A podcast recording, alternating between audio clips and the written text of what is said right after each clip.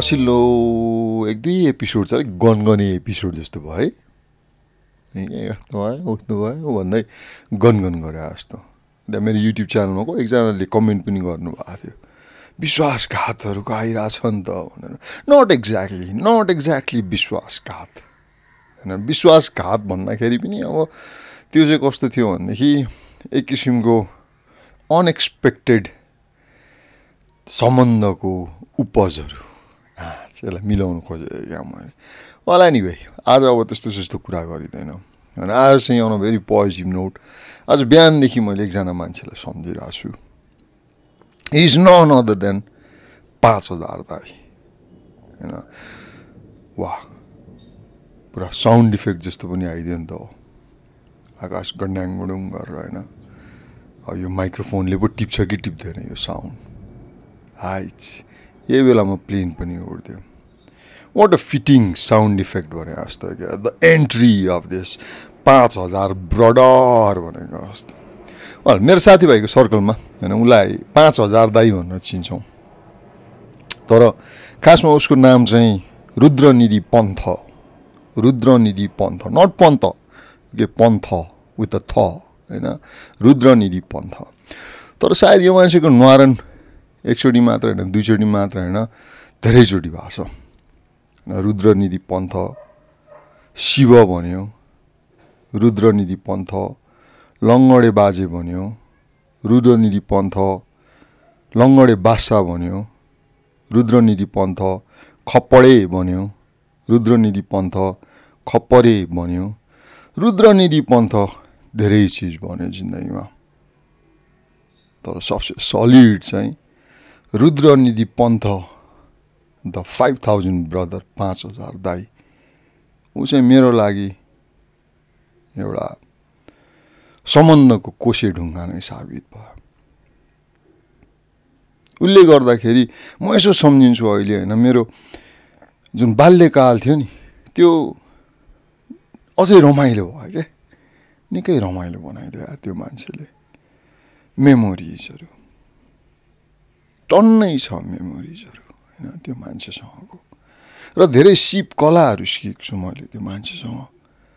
उही हो मलाई साइकल चढ्न सिकाउने हो मलाई चेस खेल्न सिकाउने हो मलाई ब्याडमिन्टन राम्रो बनाउने हो मलाई स्विमिङ खेल्न सिकाउने हो मलाई अनेक किसिमको बदमासी गर्न सिकाउने हो मलाई बसमा पैसा नतिरिकन भाग्न सिकाउने। छ यार धेरै धेरै धेरै लगानी छ त्यो मान्छेको म माथि। र यो पाँच हजार दाई रुद्रनिधि पन्त उसको घर चाहिँ खास छिर्कनी हो। छिर्कनी भन्दा नि स्पेसिफिकली भन्नु पर्दाखेरि कर्लुङ। त्यो कर्लुङ चाहिँ कहाँनिर पर्छ भने यहाँबाट पोखरा जाँदाखेरि दमौली छ नि दमौलीभन्दा एक स्टप अगाडिपट्टि छिर्किनी भन्ने ठाउँ छ। होइन यहाँबाट पोखरातिर जाँदाखेरि अन्य लेफ्ट ह्यान्ड साइड अनि त्यहाँबाट चाहिँ भित्रपट्टि जानुपर्छ कर्लुङ भन्ने ठाउँमा। उसको घर त्यहाँ हो।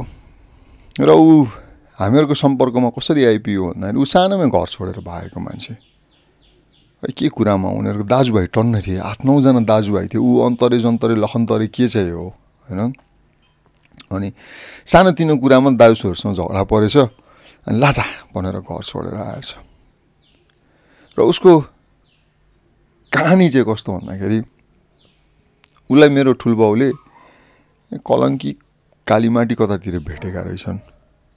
एउटा फुचे खन्च्याङच्याङ खन्च्याङच्याङ गर्दै हिँडेको भने उसको नाम लङ्गडे लङ्गडे बासा हुनुमा चाहिँ के छ भने उसको देब्रे खुट्टा चाहिँ उसको पोलियो भएको थियो जहाँसम्म लाग्छ र त्यो चाहिँ यस्तो घुमेर के उसले चाहिँ पैतालाले होइन यो माथिको भाग हुन्छ नि माथिको चाहिँ भाग त्यसले चाहिँ टेक्थ्यो क्या पहिला डल्लो थियो सानो त्यति डेभलप भएको थिएन उसको त्यो खुट्टा अनि अभियसली खोच्याउँथ्यो खन्च्याङ खन्च्याङ गर्दै हिँड्थ्यो र मलाई अझै सानोको अलिअलि याद छ मेरो यहीँ ठुलबाको घरमा बस्दाखेरि ऊ पहिला। त्यो जाडो महिनाको बेलामा उसले त्यो खुट्टामा टायर काटेर बाँध्थ्यो क्या। किनभने उसको साइजको त्यो एउटामा त जुत्ता नै पाउँदैन थियो। होइन त्यो तुसारोहरू पर्थ्यो। त्यो बेलामा त काठमाडौँमा त्यस्तो जाडो हुन छोड्यो। अनि त्यो बेलामा यहाँ वरिपरि धान खेतहरू थियो। अनि हामीहरूको पुरानो घर उतापट्टि। अनि त्यहाँ ऊ हिँड्दाखेरि भन्यो नि जाडो महिनामा त्यो टायरहरू बाँधेर हिँड्थ्यो कि? खुट्टामा काटेर मिलाएको हुन्थ्यो उसले। अनि मान्छे एकदमै चतुर। त्यस्तो भए पनि ऊ हुन्छ नि यहाँ यो टोलका सिनियर दाईहरू कोहीसँग ऊ झगडा गर्न चुक्दैन थियो। अनि यहाँ बेला बेलामा बक्सिङहरू खेल्थे। हाम्रो ठुलबाउको छोराहरू यहाँ टोलका दाईहरू। एकजना त नेसनल बक्सर नै भएर पनि निक्लेको थियो अजय दाई Ajay Subedi is no more र उनीहरूसँग बक्सिङ खेल्थे। अनि पछिसम्म पनि भन्थे त्यो अझै त्यो अझै अहिले पुरा राष्ट्रिय स्तरको बक्सर भएछ होइन। त्यसलाई मैले सानोमा कुट्टी कुट्टिकन रुवाउँथेँ मैले त्यसलाई कुनामा कुट्टी कुट्टिकन रुवाउँथेँ भन्थेँ क्या। हो हुन पनि हो। अनि केही सिप लाएन भने उसको सबैभन्दा खतरा हतियार भनेको उसको त्यही डिफर्म्ड खुट्टा थियो क्या। भने नि यस्तो डल्लो परेर पैतालाले होइन माथिपट्टिको भागले चाहिँ टेक्थ्यो अनि त्यसैले दिन्थ्यो ठ्वाङ्कै ठ्वाङ हान्ने फेरि लास्ट फास्ट के खतरा हान्थ्यो त्यो मान्छेले आई स्टिल रिमेम्बर द्याट किनभने पछि उसको त्यो खुट्टा सोझियो समवाट सोझियो है मिराकलेसली साँच्ची। अचम्मै भयो त्यो चाहिँ। ऊ यहाँ मात्र बसेन मेरो ठुलबाउको जग्गा जमिनहरू तराईतिर पनि थियो।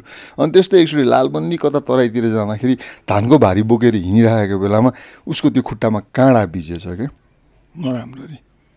अनि त्यो काँडा बिजेपछि समट इन्फेक्सन भएको छ अनि उसले त्यो उसको त्यो खुट्टा हुन्छ नि जुन हिसाबले टेक्थ्यो त्यसरी टेक्नै मिलेन छ। अनि उसलाई जबरजस्ती नै पैतालापट्टिको साइडले टेक्नुपर्ने कर भएछ उसको त्यो बाङ्गो खुट्टा होइन? र बिस्तारै बिस्तारै उसले त्यसरी नै टेक्दै गएपछि नि समवाट ऊ पैतालाले टेक्ने भयो। अमेजिङ अमेजिङ साँच्ची र त्यो मान्छेलाई अहिले पनि झट्ट हेर्दाखेरि कसैले पनि उसको त्यो किसिमको डिफर्मिटी होला भनेर कसैले पनि पत्याउँदैन। तर स्लाइट मात्रै राम्रोसँग हेऱ्यो भने त्यो अलिकति मात्रै खचक खचक छ क्या उसको। अपार्ट फ्रम द्याट अरे यार उसलाई भन्थ्यो मेरो मामुले सानोमा यो हेर्न यो यो काँठा अँ साँच्ची उसको अर्को नाम बाहुन काँठा पनि हो। यो काँठालाई हेर्ने यो काँठा। भन्न त हुँदैन राजबबर जस्तो छ भन्दै साँच्ची कपाल पनि त्यस्तै कुर्लिङ कुर्लिङ अनि हिरो मान्छे। उसको हेयरस्टाइलहरू एकचोटि आमा थियो कि साइड साइडमा चाहिँ काट्ने होइन अनि अगाडि र पछाडि चाहिँ राख्ने। त्यो चाहिँ लामो सिल्की कपाल भनेदेखि चाहिँ ठिकै देखिन्थ्यो। होइन? तर अब त्यो हुन्छ नि अब कर्ली कर्ली कपाल क्या उसको होइन? त्यही पनि उसले रहर पुरा गर्नलाई त्यस्तै नै काटेको थियो होइन? यस्तो साइड साइडमा चाहिँ चिन्डु साइड यस्तो पछाडि भएको अनि तल्लोपट्टि अलिकति पछाडिपट्टि बुझ्छो नि अगाडिपट्टि बुझ्छो मेरो बाउले यस्तरी गाली गरेको होला। तँलाई तँलाई हिरो पल्टिनु पर्छ अहिले हुँदैन खाँदा हेर तँलाई के जस्तो देखाएको छ? कुसुमुनि बोका जस्तो देखाएको छ तँलाई। जागा कपाल भनेर पठाइदिएको थियो। स्टिल रिमेम्बर द्याट सानोमा। भने नि मान्छे चतुर थियो। काम केही गर्न पनि अप्ठ्यारो नमान्ने। मेरो ठुलो कालीमाटी कलङ्की कहाँबाट भेट्यो? लैन भनेर लिएर आएको मान्छे रहेछ। र फेरि ऊ गरिब परिवारको पनि होइन। ऊ हुने खाने राम्रै परिवारको हो। म उसको घर पनि गएको हो। उसको दाजुभाइहरू शाखा सन्तानहरूसँग किसिमको हामीहरूको अहिलेसम्म पारिवारिक सम्बन्ध नै छ। उसको बुवा मुवा यहाँ आउनुहुन्थ्यो। पछि धेरै पछि। अहिले त हुनुहुन्न तर त्यो मान्छेसँग अचम्मकै सम्बन्ध। थियो र अहिलेसम्म पनि छ। ऊ हिजो मात्रै आमाको मुख हेर्ने दिन हिजो उसले आमालाई फोन गरेपछि मामी के छ कसो छ त्यसो यहाँ गर्नु छ कुरा गर्छ गर्छ ऊ होइन। उसको अहिले आफ्नै फ्यामिली छ हजुरबाउ बनिसक्यो होइन उसको छोरी अहिले जापानमा छ अस्ति भर्खर बिहा गरेर गयो कि उसको अर्को नाति नातिनाहरू छ। अँ म्यान। र नाति नातिना भने चाहिँ हुरुक्कै हुन्छ स्पेसली छोरीको नाति नातिना भने चाहिँ प्राण थाल्छ त्यो मान्छेले। इन्ट्रेस्टिङ छ क्यारेक्टर त्यो मान्छे इन्ट्रेस्टिङ। र भने नि सानोमा धेरै मेमोरिजहरू बनाइदिएको छ क्या त्यो मान्छेले। र ऊ मेरो ठुलोबाउको घरमा बस्थ्यो। र एकचोटि त्यस्तै के परेछ अनि त्यहाँ पनि अब दाईहरू दिदीहरू होइन त्यस्तै के अब पऱ्यो नि त अब सबैजना यङ यङ भइरहेको होइन अब भने अब बच्चाहरू जस्तै बेलामा के भयो त्यसपछि ठुलोबाउलाई झोक्साले चाहिँ ठुलोबाउलाई तल्लाई मैले यहाँ वरिपरि भेट्यो भनेतिर अर्को पनि खुट्टा भाँदिन्छु सारा भनेर लकटेछ होइन। ट्याप्स दियो अनि एकचोटि भागेर यहाँनिर आइपुगेको थियो। वल्लो घर पल्लो घर हुँदैन अलिकति पर्छ हामीहरूको। अनि आएर यहाँ बस्दा मेरो ठुल्बाउ खोज्न आएको थियो अनि मेरो मामुले उसलाई पछाडिपट्टि लुकाइदिएको थियो। मलाई अहिले पनि याद छ। ठुल्बाउले भेटाए ढुट्टो पार्थ्यो त्यो बेलामा। के बदमासी गरेर आएको थियो। दिदीसँग त्यहाँ झगडा गरेर कि के गरेर त्यस्तै के गरेर त्यहाँ लफडा गरेर भागेको थियो त्यो मान्छे। अनि त्यसपछि आयो। अनि त्यहाँबाट उसलाई मेरो बाउले खोइ कहाँनिर एउटा जागिर लगाइदिएको थियो त्यसपछि? तर त्यो मान्छे अब लक्की भन्ने कि अनलक्की भन्ने होइन? ऊ जहाँ जागिर गरेको नि त्यो अफिसै खारिज भइदियो। उसको त्यो पोस्ट नै उड्यो अरे क्या पुरै। त्यसपछि गयो नि हाम्रोमा आयो। अनि यहाँ पछाडिपट्टि स्टोर रुम स्टोर रुम माथिपट्टि अर्को एउटा एक्स्ट्रा रुम थियो। त्यो रुममा ऊ बस्थ्यो। अनि अभियसली यहाँ घरमा हामीहरूको अब सबै हेल्प गर्ने गर्ने गाउँमा खेतीपातीको लागि हेल्पहरू गरिदिने उसको काम हुन्थ्यो। मान्छे लास्ट जिद्दी ढिट थियो। अब हामीहरूलाई त सानो सानो डर लाग्ने त स्पेसली बाउसँग होइन। तर ऊ बाउसँग एकदम डिप्लोमेटिक तालले डिल गर्थ्यो। यस्तो यस्तोमा चाहियो भने चाहिँ जिद्दी गस्ने अड्डी गस्ने। स्पेसली उसले खाने बेलामा रमाइलो बनाइदिन्थ्यो। होइन? सबैजना बस्थ्यौँ हामीहरू। अहिले यतापट्टि टिभी रुम छ त्यो बेला त टिभी सिभी पनि थिएन। अनि सबैजना खाना बस्थ्यौँ। अनि उसले रोटी मिठो बनाउँथ्यो पुक पुक पारेर होइन। अनि बस्यो भने खाना बस्ने बेला उसले जहिले केही न केही टपिक निकाल्थ्यो होइन। कहिले के भन्थ्यो कहिले के भन्थ्यो अनि थाहा छ मलाई त्यसपछि उसको र बाउको लामो डिस्कस पर्थ्यो अनि त्यसमा हामीहरू बसेर त्यो आगोमा घिउहरू थप्थ्यौँ। हामीलाई खानलाई मात्र पनि साँच्चीको एक डेढ घन्टा लाग्थ्यो त्यो बेलामा। अनेक कुराकानी दुईजनाको पुरा बाजी थापा थाप बाउ र उसको अनेक होइन। उसले दिन्थ्यो होइन हामीहरूको घर त्यहाँ मुनिपट्टि तल छाप्दी बराई जाने बाटोमा अशोक ढाँड भन्ने यत्रो गुफा छ। त्यो केही नभए पनि नौ दस तल्लाभन्दा कम्ताको छैन भित्रपट्टिको मात्र ठाउँ। त्यहाँबाट त्यसको यतापट्टि छेउमा एउटा सुरुङ छ। त्यो सुरुङमा कहाँ हो कहाँ हो कहाँ हो गइसकेपछि भित्रपट्टि अनि त्यहाँनिर कामधेनु गाईको थुन छ। त्यो थुन जहिले रसाएर त्यहाँबाट दुध आइरहेको हुन्छ। त्यसपछि अलि यतातिर त्यही अशोक ढाँडमा त्यहाँभित्रपट्टि एउटा यस्तो जमिनमा चिरा परेको छ। त्यो चिरामा ढुङ्गासुङ्गा केही खसाल्ने हो भनेदेखि त्यो ढुङ्गाको आवाज सुनुन्जेलसम्म सुन्न सकिन्छ। त्यो पाताल पुग्छ अरे पाताल भन्थ्यो। अरे यार अनि हाम्रो बाउले उडाउँथ्यो हुन्छ तँलाई यत्रो ठुलो। के नि हो भोलि यहाँ एटम बम पड्क्यो भने नि त्यो ठाउँमा गएर बस्यो भने सबजना सुरक्षित हुन्छन् थाहा छ? काठमाडौँका सबै अटाउँछन् होला त्यहाँ भन्थ्यो। ओहो कत्रोलाई त के होला जस्तो लाग्ने होइन। टाउकोमा अनेक पिक्चर भन्थ्यो। पछि गएँ। नगएन एसएलसी दिइसकेपछि उसको गाउँ हेर्न गएको थियौँ। हुन त त्योभन्दा अगाडि पनि पुगेको थिएँ म तर अशोक ढाँड चाहिँ। उसले भनेको जुन ओढार थियो गुफा त्यो हेर्न गएँ। उनीहरूकै आफ्नो पर्सनल प्रपर्टीभित्र पर्दो रहेछ त्यो। जमानामा नापी सापी गर्दाखेरि उसले भनेको जस्तो त्यो नौ तल्ला पनि थिएन। अनि मैले सम्झेँ तिमी सानोमा भन्थ्यो नि दाइ त्यो सुरुङ क्या त्यहाँभित्र गएपछि अनि काम दिनु गाईको दुध आइरहेको छ भन्थ्यो। ए ल ल जाउँ यही हो यही हो भने एउटा यस्तो पाल देखाएँ। अनि म ल अन्त उसो म अगाडिपट्टि लाग्छु नि त जाउँ भने चार हात खुट्टाले टेकेर घिसिनु पर्ने रहेछ। अनि अगाडिपट्टि सलाई काटी बत्ती सत्ती बालेर होइन पछाडि पछाडि ऊ आयो घिस्रेँ कसम यार दुईचोटिबाट तिनचोटि यस्तो गरेको थिएन ट्वाङ्ग टाउको ठोकियो मेरो यस्तो यस्तो आइरहेको हुन्छ नि त्यो ओडाहरूमा चुच्चु आएको त्यहाँ ट्वाङ्ग टाउको ठोकी यस्तो हेरेको दाई पछाडिपट्टि थियो उसले हो हेरी यही हो काम दिनु गाईको थुन भनेको भनेर लगाइदियो। अनि म पहिला त तिमीले त्यहाँ कहाँ हो कहाँ हो गएपछि भन्थ्यौ नि त यार यो त दुईचोटि पाल खुट्टा हात खुट्टा चाल्दा त आइपुग्यो त यार भन्नु भनेको त्यो बेलामा अब मैले अब त्यस्तै होला भन्ठानेको थिएँ भन्यो। अनि त्यो जुन पातालवाला चाहिँ थियो नि क्र्याक क्र्याकमा ढुङ्गा खसाल्यो भनेदेखि सुनुन्जेलसम्म आवाज आइरहेको छ भनेको। त्यो चाहिँ साँच्चीकै रहेछ? त्यो हामीले ट्राई गऱ्यौँ। हेरी यही हो त्यो। मैले भनेको चिरा। ल यहाँ ढुङ्गा हालेर हेर भन्यो। म अनि मेरो अर्को दुई चारजना साथीहरू थियो। हामीले त्यहाँ ढुङ्गा हाल्यौँ। घन्टाङ घन्टाङ घन्टाङ घन्टाङ घन्टाङ घन्टाङ घन्टाङ घन्टाङ घन्टाङ त्यो साथ दुइटा त्यो क्र्याकको दुईतिर ठोकिएको होला क्या त्यो। कति बेरसम्म आवाज आइराख्यो आइराख्यो त्यो। कहाँ खस्यो होला कति बेर खस्यो होला? सम्झिँदाखेरि पनि काली नै लागेर आयो त्यो एउटा चाहिँ। खतरा थियो दिन्थ्यो यार अनेक अनेक गफ दिन्थ्यो त्यो मान्छेले सम्झिँदाखेरि रमाइलो लाग्छ हाँस उठ्छ छाप्दी बराईको गफ दिन्थ्यो छाप्दी बराई यस्तो मन्दिर हो त्यहाँ त्यहाँ सुनको टिका लगाएको माछाहरू हुन्छ बुझ्यो भनेर पुरा दिन्थ्यो बाउले उडाउँथ्यो हुन्छ तना काटा सुनको टिका भए राख्थे मान्छेले बाघ ल कुराको कत्रा कत्रा माछा हुन्छ अरे यार हामीहरूको यहाँ हुनु कुपौन्डलदेखि लिएर थापतलीसम्म जति लामो माछा हुन्छ भनेर लगाइदिन्थ्यो यार त्यो मान्छेले। पछि त्यो छाप्दी बराई पनि हेर्न गएँ। कसम म्याक्सिमम् एक हातभन्दा लामो माछा थिएन त्यो बाम माछा यार त्यहाँनिर त्यही पनि। भन्न छोडेन उसले त्यो बेलामा पनि। त्यस्तो माछा त भाग्यमानले मात्र देख्छ तिमीहरूले देख्छौ। बेला बेलामा मात्र देख्छ त्यस्तो लामो माछा त भनेर लगाइदियो त बाबै। होइन। दिन्थ्यो। गफ लास्ट दिन्थ्यो। आफै भन्थ्यो फेरि। सुन है केटा मैले दिएको गफ त तिम्रो नाइन्टी पर्सेन्ट फिल्टर गरेर सुन है भन्थ्यो। रमाइलो थियो त्यो मान्छेको सङ्गत मेरो लागि अहिले सम्झिँदा। सानोमा म भान्सामा बसेर काम गरेर आउँथेँ म पुग्थेँ आफूलाई पढ्न अल्छी लाग्दैन उसँग चल्न जाने। अनि एकैछिनपछि हाम्रो हानाहान सुरु हुन्थ्यो चलाचल सुरु हुन्थ्यो होइन भनिहाल्यो नि उसको त्यो डल्लो खुट्टा पोटेन्ट हतियार थियो।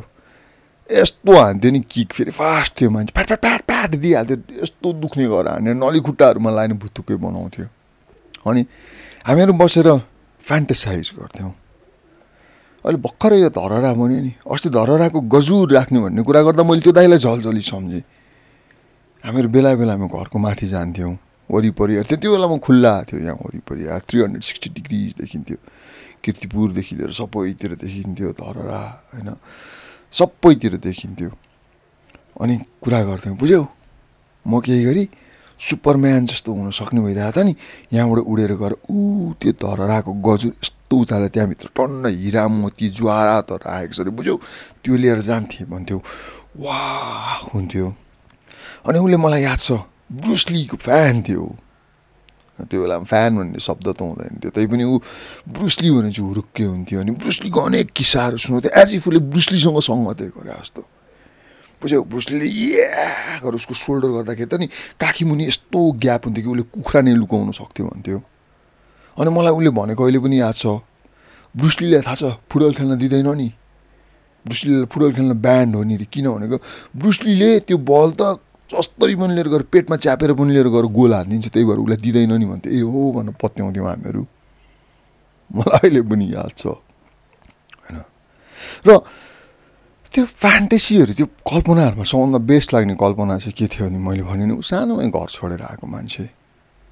अनि एक दिन घर फर्किनुपर्छ है भन्ने चिज चाहिँ मेरो आमाले उसको दिमागमा लादिरहन्थ्यो अनि हामीहरू भान्सामा बसेर फ्यान्टेसाइज गर्थ्यौँ काम गरेरमा किनभने त्यो बेलामा दुईजना अङ्कलहरू आउँथे। हामीहरूलाई यहाँ भेट्ने। एकजना बबुर अङ्कल अनि अर्को बच्चु अङ्कल। बबुर अङ्कल अझै होइसिन्छ Bachchu uncle. He passed away many many years ago र त्यो बेलामा बबुर अङ्कलको चाहिँ त्यो होन्डा एक्सेल थियो। होन्डा एक्सेल त्यो बेलामा। पछि भन्थ्यो मेरो बाउले मेरो बाउलाई त्यो बाइक आठ हजारमा लिनु कि लिनु भनेको मेरो बाउले नलिएको अरे त्यो बेलामा होइन? पछि म चुकचुकाउँथेँ द्याट भनेर। एनिवे त्यो बाइक चाहिँ हामीहरूको लागि इन्सपिरेसन थियो। मेरो लागि र पाँच हजार दाईको लागि।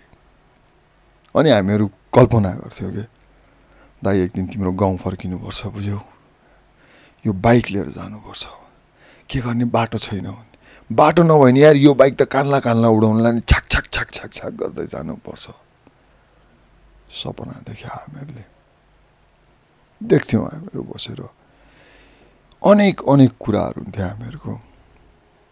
भने नि उसले मलाई साइकल चढ्न स्विमिङ खेल्नदेखि लिएर ब्याडमिन्टन चेस अनेक चिज सिकाएको बदमासी गर्न सिकाएको। हामीहरू पहिला पहिला यहाँबाट रत्न पार्कतिर जानु पऱ्यो शहीद गेटतिर जानु पऱ्यो भने पाटन ढोका लगन खेलको बसमा चढ्थ्यौँ तर पैसा कहिले पनि तिर्दैन थियौँ। हामीहरूको सेट रुटिन हामीहरूलाई पहिले थाहा हुन्थ्यो। हामी रत्न पार्क जानु पऱ्यो रत्न पार्कमा ओर्लिँदैन थियौँ शहीद गेटमा ओर्लिन्थ्यौँ शहीद गेटदेखि हिँड्थ्यौँ हामीहरू। र शहीद गेटमा ओर्लिसकेपछि के गर्ने हामीहरू हामीहरूको ड्रिल राम्रोसँग थाहा थियो। बसमा भित्रपट्टि कन्डक्टरले पैसा माग्न नै एकछिन एकछिन ओर्लिने बेलामा दिन्छु भन्थ्यो दाइले होइन? ओर्लिने बेलामा ओर्ले ओर्लेपछि ऊ एकातिर हिँड्थ्यो म अर्कोतिर भएको थिएँ त्यसपछि कन्डक्टर कन्फ्युज कसलाई लकट्ने होइन? एकचोटि मलाई थाहा छ गरेर मुखा ताकेको हामीले पनि परबाट गरेर मुखा ताकेर भएको थियौँ कहिले काहीँ म स्कुल भएको थिएँ र त्यो स्कुल भएको कुरा उसलाई थाहा हुन्थ्यो। र ऊ यहाँबाट मेरो त्यो बेलामा बाउ पनि काम गर्ने आमा पनि स्कुलमा पढाउँथ्यो होइन? अनि सबैजना गइसकेपछि घरबाट ऊ मलाई लिन आउँथ्यो दिनभरि घुमाउँथ्यो। अनि बेलुका फेरि घर लिएर आउँथ्यो उसले। अनि छुट्टीको बेलातिर भयो हामीहरू। अब मेरो माम पनि भने नि टिचिङ गर्थ्यो अब अफिस गइहाल्थेँ अनि हामी दिनभरि खेल्थ्यौँ दिनभरि। साइकल चढ्ने हो कि चुङ्गी खेल्ने हो कि फुटबल खेल्ने हो कि पर्खाल पर्खाल दौडिने हो कि के गर्ने अनेक गर्थ्यौँ। अनि बेलुकासम्म काम भ्याएको हुँदैन थियो। अनि आमा आउने बेला भयो भनेपछि अनि हामी हतार हतार काममा लाग्थ्यौँ। मैले ऊ सँगसँगै लाएर मैले घरको कामहरू गर्नु सिकेँ। ऊ भाँडा मस्काउँथ्यो म पखाल्थेँ। ऊ लुगा मिच्थ्यो म पखाल्थेँ भित्र पुस्ने पास्नेदेखि लिएर अनेक कामहरू मैले उसलाई सहयोग गर्दाखेरि मैले सिकेँ which I'm really thankful really thankful छन् त्यस्ता धेरै धेरै इन्स्टेन्सेसहरू अनि अर्को एउटा चाहिँ उसँग किनमेल गर्न जान रमाइलो लाग्थ्यो मलाई दसैँको अगाडितिर। उसलाई पनि अब हामीहरू जस्तै थियो लुगा जुत्ताको सोख लाग्थ्यो। अनि जुत्ता किन्न जान्ने भने चाहिँ त्यो हामीहरूको मिसनमा हुन्थ्यो भन्यो नि उसको एउटा खुट्टा ठुलो अर्को खुट्टा सानो थियो। अनि हामीहरू जुत्ता खोज्न जाने। फेरि उसलाई जुत्ता लगाउनु पर्ने स्टाइलिस स्टाइलिस। आ त्यो स्पोर्ट्स सुजहरू या फर्केको कान फर्काएर लगाउनु पर्ने अनेक अनि हिरो थियो मान्छे होइन? तर प्रब्लम के भन्दाखेरि उसको दुइटै खुट्टालाई ठिक्क फिट हुने जुत्तै नभेट्ने। अब कसरी भेट्ने त? अनि एउटामा लाग्थ्यो झन्डै नौ नम्बरको अब अर्को यत्रो सानो थियो। पाँच नम्बरको पनि नफिट हुने जस्तो कि? अनि हामीहरू गएर जुत्ता हेर्न गयो भने त्यहाँनिर अनेक हुन्छ त्यो साउजीलाई त्यो जुत्ता निकाल्न लगाएर त्यहाँनिर टन्न जुत्ताको थाक बनाएर अनेक गरेर कन्फ्युज बनाएर हामीहरू दुइटा साइजको जुत्ता बोकेर हिँड्थ्यौँ। कसम दुइटा साइजको जुत्ता बोकेर हिँड्थ्यौँ यार। अलङ र मलङ पारेर याद छ मलाई अहिले पनि। त्यसपछि त्यो मान्छेले पछि जागिर खान गयो। होइन मेरो ठुल्ड्याडी त्यो बेलामा मर्स्याङदी जलविद्युत आयोजनामा भइसन्थ्यो त्यही हो सबैले जस्तै होइन? उसलाई पनि सोर्स फोर्सको भरमा जागिर लगाइयो। लाइन हेल्फर लाइन हेल्फर भन्थ्यो। अनि ऊ एक सय बत्तिस केबी भन्थ्यो। उसको अफिस गजुरीमा थियो धादिङमा। अनि उसको गजुरी धादिङको पनि किस्साहरू अनेक छ। सबभन्दा खतरा किस्सा चाहिँ के हो भने ऊ त्यहाँ काम गर्न जाँदाखेरि अविवाहित थियो ब्याचलर र अभियसली त्यो मान्छे त्यहाँनिर दुई चार महिनामै हिरो भएर निक्लिहाल्यो। अनि त्यहाँभरिको सबभन्दा धनी साउको छोरी पटाएछ जो अहिले मेरो भाउजू हुनुहुन्छ। र र उसले भगाएछ त्यहाँबाट। पछि भन्थ्यो क्या उसले। बुझ्यौ? तिम्रो भाउजूलाई भगाएर लिएर गएँ मैले घर। घर लिएर गएर ल तेल लगा त भनेर यस्तो खुट्टा पसार्दाखेरि पो त मेरो त्यो डुँडो खुट्टा देखेर त यस्तो कालिनी थियो। हे भाउजू कराएर भनेर हँसाउँथ्यो उसले। वा होइन। कतिसम्म त उसको राम्रो सम्बन्ध नै थिएन ससुरालीसँग। अनि भाउजू चाहिँ अब अलिक भनिहालेँ नि गजुरी कि अब वान अफ द धनी मानीको छोरी। अनि रिस उठ्यो कि पछिसम्म उसलाई गाली गर्थ्यो क्या उसलाई। ढुटिया सन्तान भनेर तिम्रो ढुटो खानेहरूको सन्तान भनेर होइन। म अहिले पनि सम्झिन्छु। र यसले मलाई रिस उठ्यो कि गाली गरेर ढुटिया सन्तान कत्तमा त्यसकै खलकले होला नि खाने सुनका चामल भने जस्तो नि होइन। अनि पछि ऊ फेरि काठमाडौँ आयो कि के भयो अनि मर्स्याङदीमै काम गर्नु लाग्नु अनि ऊ खैरेनीमा गयो। अनि ऊ खैरेनीमा बसिसकेपछि त्यो खैरेनी हामीहरूको बेस भएको थियो एकताका हामीलाई रमाइलो गर्नु पऱ्यो काठमाडौँबाट बाहिर निस्किनु पऱ्यो। कहाँ भने जाउँ पाँच हजार दाइकोमा भन्थ्यौँ। गयो। उसकोमा बस्यो मस्ती हुन्थ्यो। खानपिन जेको लागि पनि उसले कहिले पनि कन्जुस्याइ गर्दैन थियो। झन् म आउने भनेर थाहा पाएर यहाँ घरबाट खबर गरिदिनु उसको पूर्व तयारी भइरहेको हुन्थ्यो। साँच्ची दिलो ज्यान दिएर माया गर्थ्यो र अहिलेसम्म पनि गर्छ त्यो मान्छेले। बाबु भन्छ मलाई अहिले पनि बाबु आउँदैछ अरे भनेपछि आच अर्कै लेभलमा तयारी हुन्थ्यो उसको। अनि हामीहरू मनकामना चढ्थ्यौँ म त्यो पुरानो बाटो मात्र ऊ सँगसँगै लगाएर सातचोटि आएँ नौचोटि कतिचोटि मनकामना चढेको छु मैले काउन्ट नै बिर्सिसकेँ। कहिलेकाहीँ त्यस्तो हुन्थ्यो होइन? अब यहाँबाट गयो यतिकै मुड ल जाउँ भनेर हिँडिदिने साथीहरूसँग अनि ए आउँदा लाग्छ भने खबर गर्छु उसको त्यहाँ तयारी हुन्थ्यो। अनि बस्यो खाइपी चिरन्जीवी ल सुत्नु त भन्दाखेरि पर्दा खोलेर हेर्दा छलङ्गै उज्यालो। होइन अब त्यो उज्यालो भएर पनि हामीहरू गएर फेरि त्यहाँ खैरिने पुगेपछि मार्फा ब्रान्डी चाहिँ दिनै पर्थ्यो हामीहरूलाई। होइन त्यो मार्फा ब्रान्डी दिएर पुल तर्न नसकेर अलिक माथि गएर मजाले निधाएर फेरि उठेर हिँडेका किस्साहरू छन्। अनि फेरि मान्छे कस्तो चाहिँ एकदम जिद्दी। जिद्दी यार। होइन अनि त्यो मनकामना चढ्नको उसलाई बाटोभरि जहाँ पनि हामी चाहिँ दही चिउरा खाउँ यस्तो भने उसलाई चाहिँ ट्वाक लगाउनु पर्ने। अनि त्यो आधी बाटो जस्तो पुगेपछि त्यहाँबाट मनकामना देखिन्थ्यो होइन। अनि त्यहाँनिर एकैछिन आराम गर्थ्यौँ हामीहरू। अनि त्यस्तै एकचोटि जाँदाखेरि के थियो मेरो मुडमा? अरू बेलामा त उसलाई साथ दिन्थ्यो तर त्यो बेलामा मेरो मुड अर्को थियो भने मैले खाइरहेको थिइनँ। आई मिन हुन्छ नि अब लोकल दिइरहेको थिएन। अनि कर गर्नु थालेँ खाउ कि खाउ खाउ कि खाउ भनेर ग्लासै लिएर आएँ नाकै मुनि मैले ग्लास समाएर च्याप समाएर उसले जाममा फालिदिएको थिएँ एकचोटि मुखमा। यस्तो सक्ट भयो त्यो मान्छे होइन अनि उसले के भन्नु थाहा छ लाएर यस्तो नि हुन्छ। मनोकामनाको फेदमा लिएर आएर बाहुनको छोरोको जनै रक्सीले भिजाइदिने अरे। जब यो खाइरहेको थियो क्या? उसको डाइलगहरू अनौठो अनौठो हुन्थ्यो। अनि एकचोटि खै उसलाई के पो त भएको थियो? उसलाई अचम्मको रोग लागेको थियो क्या। उसको त्यो कपालको प्याचहरू झर्ने। होइन? त्यो प्याच प्याचहरू झर्दो रहेछ नि त कपालको। बिच बिचमा खोबेटा खाल्टोहरू क्या ब्ल्याङ्क स्पटहरू भइरहेको। अनि टोपी लाएर हिँड्थ्यो त्यो बेलामा। अनि हामी यस्तै गरेर एकचोटि मनकामना चढ्न गएको थियो। नि हिरो भइहाल्थ्यो ऊ होइन। गर्दै पुरा म त यस्तो हिँड्न सक्छु यस्तो हिँड्न सक्छु भनेर यस्तरी देखाउँदै थियो होइन। अनि माथिबाट ती लोकलहरूले वस्तु झारिरहेको थियो गोरुहरू के त्यो गोरुलाई यस्तो साइड दिने के भएर चिप्लेर लड्यो कि होइन? अनि उसको टोपी टुइँ उडेर गयो। अनि त्यो माथिबाट आइरहेको मान्छेको त्यो डोकोमा उसको सर्ट अल्झेर झारेर च्यात्यो कि अनि ऊ भुइँमा पछारियो होइन एकैचोटि टोपी पनि उड्यो अनि उसको त्यो खाली स्पट छ नि त्यो घाममा टिलिक्क टल्क्यो होइन। मैले त्यो सिन देखेर खप्न सकिनँ म मुर्छा पर्ने गरेर हाँसेँ होइन। र मलाई अहिलेसम्म पनि याद छ क्या उसको होइन त्यो चर्ती कला उसको त्यो एक्सप्रेसन क्या खुब हिरो भन्दै थियो। पछि चाहिँ खै के के के के औषध लगायो भने अहिले चाहिँ त्यो प्याचहरूमा कपाल आइसकेको छ उसको। क्यारेक्टर थियो यार त्यो मान्छे क्यारेक्टर छ अहिले पनि।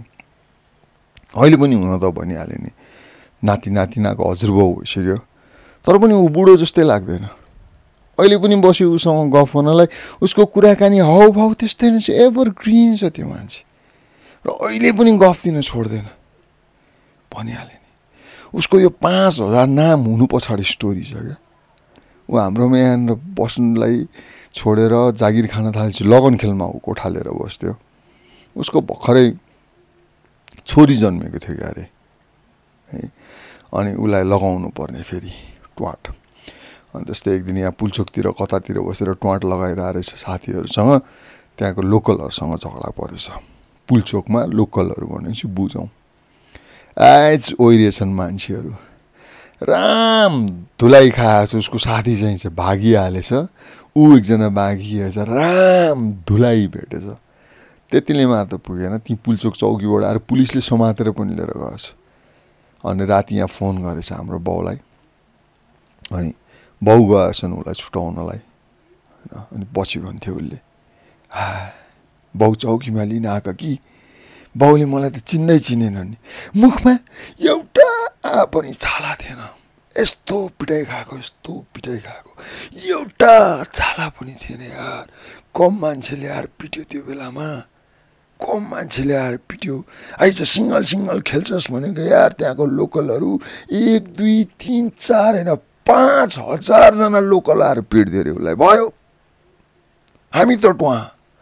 यस्तो टुवा पऱ्यो कि उसले खैरेनीमा दिएको थियो क्या हामीहरूलाई गफ त्यस्तै वान अफ आवर ट्रिप्समा होइन हामीहरू बसेर जर्किनमा लोकल लाग्दै बसेर गफ गरेर आएको थियौँ त्यो बेलामा उसले दिएको एक दुई तिन चार होइन पाँच हजारजना ल्याएर कुटेको अरे उसलाई ओ माई गड मऱ्यो भनेर खालमा फालेर गएको पुलिसहरूले आएर टिप्यो बाउ आउँदाखेरि त मलाई नचिनेको नि मुखमा एउटा पनि छाला थिएन oh my God as if मैले उसलाई त्यसपछि भेट्दै नभेटेको जस्तो दियो दिन्थ्यो अनि भन्थ्यो फेरि नब्बे प्रतिशत चाहिँ फिल्टर गर सुन है भन्थ्यो legend is a legend definitely legend र सपनाको कुरा भनिहालेँ हामीले सानोमा सपना देख्थ्यौँ भने नि उसको कम फर्किने एक दिन छ्याक छ्याक छ्याक होला बाइक लिएर जाने भन्ने बबु र अङ्कलको होन्डा एक्सेलबाट इन्सपायर्ड ड्रिम थियो अनि मेरो साठी सालमा बिहा भयो र मेरो बिहाभन्दा पाँच दिन अगाडि मेरो साइलो बाउको छोरा मेरो दाईको बिहा भयो। अनि दसैँसम्ममा आइपुग्दाखेरि अब पहिलो दसैँ सो अब टिका टालो लगाउनुपर्छ सो ससुराली खलकतिर नि घुम्नुपर्छ अनि एउटा थियो नि त एक्साइटमेन्ट होइन इन वे। तर भयो के भन्दाखेरि फुलपातीको दिनमा त्यो मेरो जुन दाइले मभन्दा पाँच दिन अगाडि बिहा गरेको थिएँ उनको छोरी भयो सुतक पऱ्यो टन ट्याट दसैँ क्यान्सल।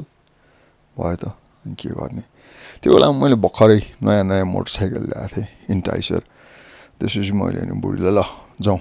किन घुम्न ल दसैँ क्यान्सल भइहाल्यो टिका टालो हुँदैन। जाउँ।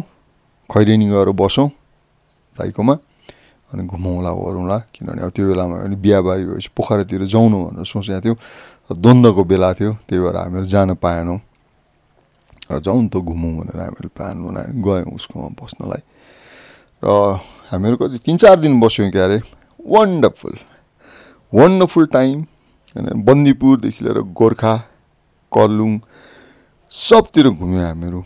गोप्लिङ भन्ने ठाउँमा पुग्यौँ। त्यहाँनिर पुगेर हामीले त्यो बेलामा झन्डै सय वर्ष पुग्न लगाइसकेको बाको हातबाट टिका लगायौँ। र सुतक पराएको छ भन्दाखेरि पनि ती बाले नै केही हुँदैन बाबु खोला तरेर आइसकेपछि लाग्दैन सुतक भनेर भने। उहाँले नै भनेपछि के छ त भनेर लगायौँ। र अहिलेसम्म पनि त्यो दसैँमा खाएको त्यो बेलाको मासु मलाई सम्झना आउँछ। त्यो धुवामा सुकाएर बनाएको एक किसिमको हुन्छ नि फ्लेभर। ओ माई गड र त्यो गोप्लिङबाट फर्केर आएपछि काठमाडौँमा मेरो एउटा कुकुर आइपुगेको थियो मलाई प्रेजेन्ट। मैले त्यो कुकुरको नामै गोप्लिङ राखिदिएको थिएँ। अनि हामीहरू घुम्यौँ त्यो बेलामा बन्दीपुर अरे यार त्यो तिन चार दिनको दौरानमा कुनै कति सय किलोमिटर पो त घुम्यौँ हामीहरू बाइकमा डुच्छ र one of the trip was to Karlung Karlung गयौँ हामीहरू गयौँ त्यहाँ पनि गयौँ उसको दाईहरूसँग भेट्यौँ दसैँको बेला थियो त्यहाँ पनि टिका टाला गर्थ्यौँ खाजा बाजा खायौँ गऱ्यौँ अनि बेलुका फर्केर आयौँ अनि खैरेनीमा त्यही मर्स्याङदीको स्टाफ क्वार्टरमा आएर बस्दाखेरि बेलुका फेरि हाम्रो पार्टी कन्टिन्यू थियो दागो बालेर मासुहरू पोल्ने बेलामा मैले सो उसलाई भने दाइ तिमीले एउटा चिज रियलाइज गर्यो आज भने होइन? के? भने तिमीलाई थाहा छ हामी सानोमा छ्याक छ्याक छ्याक छ्याक छ्याक मोटरसाइकल लिएर तिम्रो गाउँ जाने भन्ने कुरा गर्थ्यौँ नि। आज हामीले पुरा गऱ्यौँ नि दाइ त्यो सपना। भला हामीले छ्याक छ्याक छ्याक मोटरसाइकल त लिएर गएनौँ। अनि त्यो बेलामा उसको मलाई जहाँसम्म लाग्छ त्यही नि यामाको कुन चाहिँ मोडल के जसको इन्जिन चाहिँ त्यही इन्टाइसरमा हालेको वाला हुन्थ्यो नि। वाइबिएक्स कि कुनै के हो होइन? हो त्यो थियो म इन्टाइसरमा। र रमाइलो त के भन्दाखेरि हामीहरूको पछाडिपट्टि आफ्नो बुढी थियो। ऊ भाउजूसँग थियो म मेरो ब्रान्ड न्यू बुढीसँग थिएँ। र हामीहरू कर्लुङ पुग्यौँ। र मैले उसलाई दाइ अझ हामीहरूले हाम्रो त्यो सपना पुरा गऱ्यौँ थाहा छ। बारीको कानलाई उडाउँदै नलगेर पनि पछाडिपट्टि आफ्नो बुढी राखेर पुग्यौँ नि हामीहरू तिमी भन्दाखेरि ऊ झस्केको मलाई अहिले पनि याद छ त। है साँच्ची यार पुरा गरेछौँ त है हामीहरूले त्यो सानो भान्सामा देखेको सपना भन्यो yes did that amazingly did that र त्योभन्दा अगाडि पनि म नपुगेको होइन पुगेको उसको गाउँ। सबभन्दा फर्स्टमा त मेरो बाउ आमासँगै गएको थिएँ म। आठ क्लासबाट नौ क्लास जाने बेला कुन बेला आउँथ्यो बाउहरू एकचोटि मनकामना जाउँ भनेर मनकामना गएर उही थियो हामीहरूको टुर गाइड त्यहाँ सकेर जाउँ मेरो गाउँ भनेर लिएर गएर छिर्किनीमा ओह्रालो छिर्किनी कर्लुङसम्म हिँडेर गएको मलाई याद छ। अनि भोलिपल्ट हामीहरू छाप्दी बराई लिएर गयो। छाप्दी बराईदेखि हामीलाई हिँड्दै दमौली निकालेको थियो उसले। अनि हामीहरू बाउले चाहिँ काठमाडौँ फर्क्यौँ भनेको थियो नि हामीहरूलाई पोखरा जानुपर्ने। त्यही भएर हामीहरूले हुन्छ नि बस मिस गर्नको लागि बाटोमा लुक्दै गर्दै ढिलो गर्दै बिस्तारो खुट्टा दुखे के गरेर अनेक बाहना बनाएर दमौली पुगेर दमौलीबाट अनि फेरि पोखरा गएर पोखरा एक रात बस्यौँ भोलिपल्ट दिनभरि बसेर अनि बेलुकाको नाइट बस समातेर आएको थियौँ र दिनभरि हामीले केही पनि गरेन। बाउ आमा म र ऊ हामीहरू पोखरामा त्यही फेवातालमा बोटिङ गरेर बितायौँ। स्टिल रिमेम्बर द्याट र त्यसपछि फेरि अर्कोचोटि एसएलसी दिएपछि गएको थियौँ। त्यो बेलामा त्यस्तो त्यो बेलामा बाटो खोलिसकेको थिएन। छिर्किनीबाट ओर्लेर हिँड्नु पर्थ्यो त्यो बेलामा हामीहरू तिन चारजना साथीहरू थियौँ। भर्खर एसएलसी सिद्धिएको सिङ उम्रिराखेको होइन। मनकामना चढेर अनि गयौँ उसकोमा। अनि उसकोमा गएर बसेका थियौँ। है। अनि उसको दाईहरू हुनुहुन्थ्यो। बेलुका बस्दा बस्दै कुरा गर्दा गर्दै त्यतिकै कहाँ सुट्टा तान्ने कुरा निक्ल्यो। खाइदिउँ त खाइदिउँ होइन अब के भने कहिले ट्राई गरिएको थिएन। बनाएँ। मलाई अहिले पनि याद छ त्यो एकजना दाइले पुरा यार नौनी मिची मिचीमा भएर मैले बनाएँ टक्क कङ्कडमा हालेँ होइन तोप्स। पासन गर्दै लिएर आफूलाई त आउँदैन थियो राम्रोसँग त्यो पनि। दिएँ यार सुई सुई दुई चार सड्को तानियो अरे पास गरेँ। एकैछिन भयो त यार साला भयो। यस्तो घुमायो यस्तो घुमायो यस्तो घुमायो नि म त सिधा बस्नै सकिनँ। एकैछिनपछि त्यो दाइको काखमा लडेँ यार म होइन। टाउको ठुलो भए जस्तो हुन्छ खुट्टा लामो भए जस्तो नसा नसामा बगेको रगत फिल गरिसकेँ मैले। यस्तो भयो कि यस्तो भयो कि अब कहिले त्यस्तो अनुभव नै गरेको थिइनँ र मलाई के लाग्यो भने अब यही नै हो। ओभरडोज भनेको यही नै हुने रहेछ। र म अन्त कहीँ होइन यो ठाउँमा आएर मर्न भनेर लेखेको रहेछ। ला अब मेरो बाउ आमाले के सोध्छन् छोरो त अब मलाई ओभरडोज भएर मऱ्यो किनभने त्यो बेला थाहै थिएन गाँजाको ओभरडोज हुने कहिले नि हुँदै हुँदैन भनेर होइन। भयो ढलियो। त्यसपछि खाना पनि खान सकिनँ मैले राम्ररी अनि माथि पछि हामीहरू लिएर घर सुतायो गऱ्यो अनि भोलिपल्टको हामीहरूको प्लान चाहिँ के थियो भने सिकार खेल्न जाने। छाप्दी बराई पनि झर्ने सिकार पनि खेल्ने भनेर त्यहाँनिर पुरा उसले भरुवा बन्दुकहरू सब इन्तजाम गरिसकेको थियो गाउँको दाईहरू होइन। भयो। अब छैन भोलि हुँदैन मेरो लागि भन्ने भएको थियो। तर थ्याङ्क गड भोलिपल्ट भयो। होइन? केटाहरू सबले बिल्ला हाने। मलाई चाहिँ तैँले होइन यार साँच्चीको भएको थियो मलाई भन्दा कतिले पत्याएनन्। तर त्यो बेलामा दाइले हुन्छ मान्छेले कहिले नखाने मान्छेले यस्तो उसले मजाले सुइटाइदिएको थियो नि त। भन्यो। अरे अनि त्यसरी उसले सिकार जानुभन्दा अगाडि हामीलाई ब्रिफिङ दिएको याद छ। केटा हो अब जङ्गलमा बाघ पनि भेट्न सक्छ कि? नतर्सियो है तिमीहरू। मैले यसको लागि स्पेसल सिसा राखेको छु। ड्याङ पार्नुपर्छ। नतर्सिउनु फेरि। पहिला बाघ आउँदाखेरि इत्रु हुन्छ कि त्यसको टाउको? सानो हुन्छ। अनि देखिसकेपछि त्यो रिसाउँदैको चाहिँ फुल्दै फुल्दै फुल्दै फुल्दै फुल्दै फुल्दै गएर यत्रो हुन्छ भनेर पुरा देखाइदियो उसले हातले। हो हामी टुवापहरू बस्यौँ। अनि गयौँ उसँग दिनभरि छाप्दी गयौँ कहाँ गयौँ कहाँ गयौँ होइन एउटा साथी थियो होइन जसले चाहिँ म गन हानेर हुर्केको भन्थ्यो होइन त्यसले कालिज देखेपछि त्यो परुवा बन्धुको घोडा तान्न बिर्सेको अहिले पनि याद छ मलाई अनि पुरा खोज्यौँ हो सिकार केही भेटेन केही चरो मुछो केही भेटेन अनि एउटा खोलाको तिरमा बसेर ल तारो भयो नि हालौँ न त भन्न थाल्यौँ अनि भरुवा बन्दुक दुइटा भरुवा बन्दुक थियो। पुरा चलाउन राम्ररी नहुने। त्यही पनि दाईहरूले पुरा लोड गरिदिन्थ्यो ड्याङ ड्याङ दुई चार राउन्ड हान्यौँ। अनि म यतापट्टि ढुङ्गामा बसिरहेको थिएँ। अनि उतापट्टि छेउमा पाँच हजार दाई पुरा बसेर भरुवा बन्दुक लोड गर्दै थियो बारुद खाँदै थियो। त्यतिकैमा मेरो साथी योगेश योगेशले यार प्रजुल तिमी त्यहाँ नबस यार हेर। त्यो बन्दुक तिमीतिर फर्किरहेछ भन्यो। अनि ठ्याक्कै अँ है भनेर जुरुक्क उठेँ। उठेर कसम यार कसम मैले आधी पाइला पनि चाल्न पाएको थिइनँ कि। म जहाँ बसेको नि त्यहीँ डड्याममा पड्क्यो त्यो बन्दुक। सातो पुत्लो उड्यो। भयो साँच्ची उठाऊ भनेर म आधी पाइला मात्र जुर्को उठ्या मात्र थिएँ जहाँ बसेको त्यो स्पटमा। त्यो पनि जहाँसम्म लाग्छ ब्रोले पुरा हुन्छ नि त्यो बाघ मार्ने सिसा हालेको थियो कि क्या जस्तो लाग्छ मलाई। गइहाल्यो नि सातो पुत्लो। के भयो भने त ल। त्यो पाँच हजार दाइले बन्दुक भरुवा बन्दुकमा बारुद सारुद खाँदेपछि त्यो छुसी भएर घोडा छोड्छ नि होइन? त्यो घोडा भनेको चाहिँ कक गर्ने पार्ट हुन्छ नि। त्यहाँ त्यो सलाइको बोक्रा सोक्रा राखेर बालुलाई फ्युज गर्नलाई के त्यो टक कलाएर छोड्दाखेरि त हातबाट चिप्टेर खापेर ब्ल्याङ्गै गएको अन्त। भयो। अहिले पनि सम्झिन्छु कहिले काहीँ। त्यो बेलामा मलाई योगेशले उठ यार नभनेको भएदेखि अहिले खै कति पिण्ड पो खाइसक्थ्यो कि के हुन्थ्यो यार के अपाङ्ग के भएर बस्थ्यो होला म। सम्झन्छु त्यो दिन। अनि दिनभरि लखतरान भएर फर्क्यौँ केही भेटेनौँ हामीहरू चरौँ उसो लास्टमा खरायो छेक्ने ट्राई गऱ्यौँ त्यो पनि केही भेटेनौँ। अनि उसको घर आइपुग्न लाग्थ्यो उसको दाईको घर। यसो हेरेको माथिपट्टि दाईले गोरु जोत्दै थिए एक कल गोरु अनि हामीहरू अब थियौँ त्यो बेलामा चार पाँचजना पाँच हजार दाई उसको एकजना कान्छा दाई होइन म अनि अरू दुई तिनजना साथीहरू थियो तिन चारजना साथीहरू थियो सुशील योगेश सुभाष म होइन।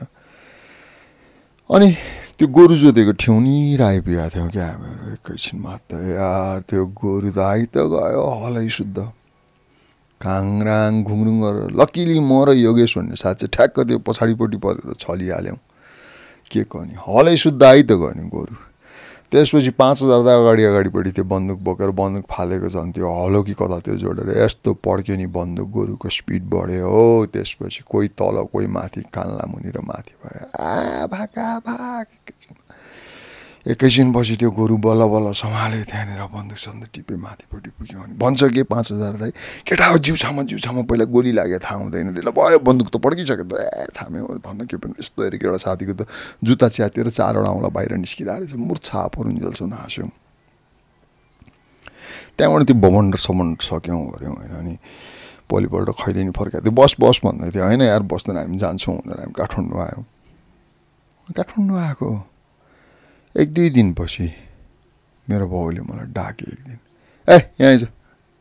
के हो ए तिमीहरू त्यहाँ कर्लुङ गएर त्यो लङ्गडे गाउँ गएर तिमीहरू के के गरेर आयो के गरे? केही गरेको छैन म हामी त्यो सिकार सिकार खेल्न जाने भने केही पनि भेटेन। आफ्नो गोरुले लखट्यो यस्तो यस्तो भयो। हुन्छ काम नपाएर हो तिमीहरूको दाजुलाई लिएर गएर दमौलीमा थुनिरहेछ अरे। त्योसँग भएको अर्को दाइलाई पनि लिएर गएर थुनिरहेछ र तिमीहरूलाई खोजिरहेछ अरे मामाहरूले। ल जे गर्छस् गर भाइ मैले केही गर्न सक्नेवाला छैन। लुक्छस् कि भाग्छस्? गर। के के उपद्रो गरेर आइस? अब खेप। किनभने मेरो बाउको जहिले पनि एउटा सिद्धान्त थियो कि पहिलेदेखि। If you start the dance you finish it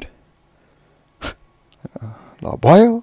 tension यार त्यस कसम यहाँ त हुन्छ नि बाहिरतिर गाडी साडी आएर रोक्यो गऱ्यो भनेदेखि कहाँबाट भाग्ने के गर्ने प्लान बनिसक्यो हुन्थ्यो वरिपरि पुरा घरसहरू बनाएको थिएन कि अहिले खेतबारीहरू थियो तिमीबाट दिनुपर्छ भने जस्तो। भयो। भएछ के भन्दाखेरि भोलिपल्ट हामीहरू काठमाडौँ हिँडेको एकैछिनपछि पुलिसहरू आएछ। आएर दाइलाई पनि समातेर लिएर गएछ। दमौली पुऱ्याएछ पुऱ्याउँदाखेरि त्यहाँ हामीसँग जो अर्कोजना कान्छा दाई भन्ने थियो उसलाई पनि त्यहाँ पुऱ्याइसकेको रहेछ लिएर गएर कसम बोराम बाँधेर छुटेछ। किन भन्दाखेरि त्यो उनीहरूको गाउँभन्दा अलिकति तलपट्टि केही दिन अगाडि डाँका लागेको रहेछ। अनि त्यहाँ उनीहरूको पोलिटिकल राइभरी रहेछ क्या। किनभने उनीहरू चाहिँ पहिला उनीहरूको बुवाहरू पाँच हजार दाईको बुवाहरू चाहिँ पञ्चायती लाइनका रहेछन्। राजावादी के वादीहरू भर्खर भर्खर अब यार यो उन्चास अडचालिस उन्चास सालतिरको कुरा होइन।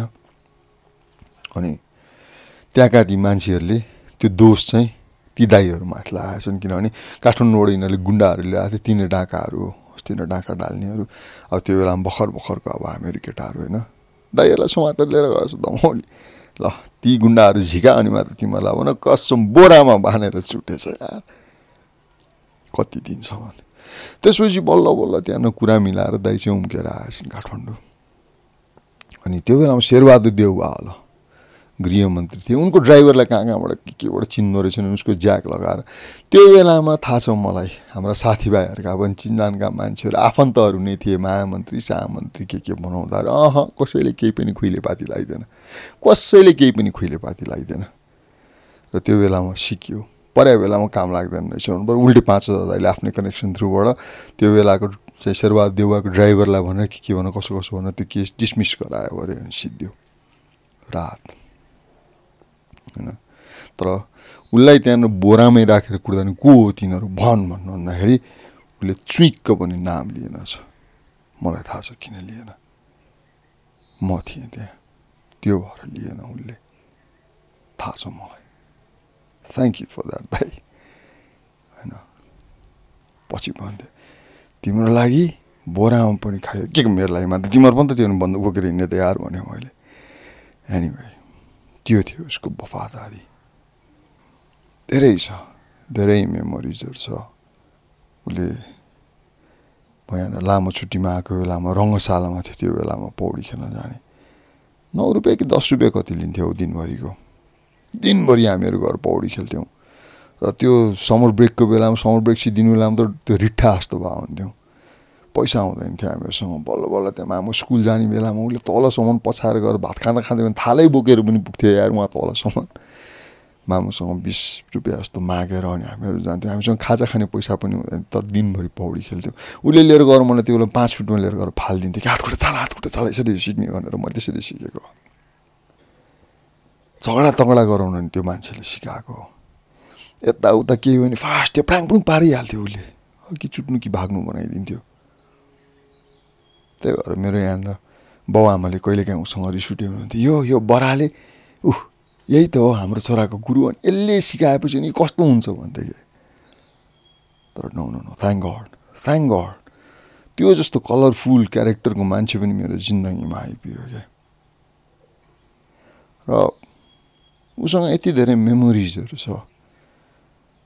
ऊ अहिले पनि आउँदा उसको स्वर सुन्दा उसलाई छेउमा पाउँदाखेरि म अर्कै फिल गर्छु it takes me back to my childhood भने जस्तो अहिले त धेरै थोरै मात्र हामीहरूको भेटघाट हुन्छ तर जतिचोटि पनि म जान्छु नि उसकोमा आई फिल एट होम मलाई त्यो भाउजूले मलाई देवर जस्तो होइन उनकै छोरा जस्तो ट्रिट गर्छिन् के खाने के लाने होइन मामुलाई यस्तो लाग्दैन उसलाई यस्तो मनपर्छहरू थपी थपिकन बाबु खाने के गरौँ न कसो यतिसम्म पनि कि म एकचोटि मेरो छोराछोरी बुढी सबै बोकेर पुगेको थिएँ।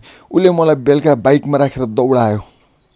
झन्डै आधी घन्टा पैँतालिस मिनट दौडायो। यार बेलुका मलाई कहाँ लग्यो लग्यो? आ दमौली साइडतिर दौडायो होइन? अहिले ऊ ढकालडार बस्छ खैरेनीमा।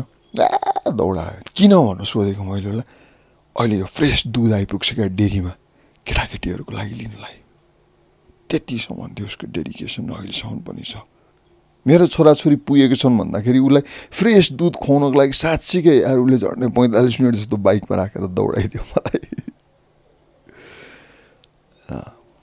र उसको अहिलेसम्म पनि किस्साहरू छ। लास्टचोटि मैले उसलाई भेटेको भनेको ऊ र उसको नाति के किन्न लायो भनेर निक्लेको अरे बाइकमा। अर्कोतिर साइडमा हेर्दै थियो अर्कोतिर साइडबाट आएर अर्को लाइसेन्स नै नभएको बाइक ल्याएर हानेर होइन गामराङ बाइकबाट लडाइदिएर खुट्टा भाँचेर यहाँ बिएनबी हस्पिटल आइपुगेको थियो। तर बुझ्यौ मेरो खुट्टा भाँच्यो मेरो नातिलाई मैले चिसिक्क केही हुन दिइनँ नि भन्थ्यो।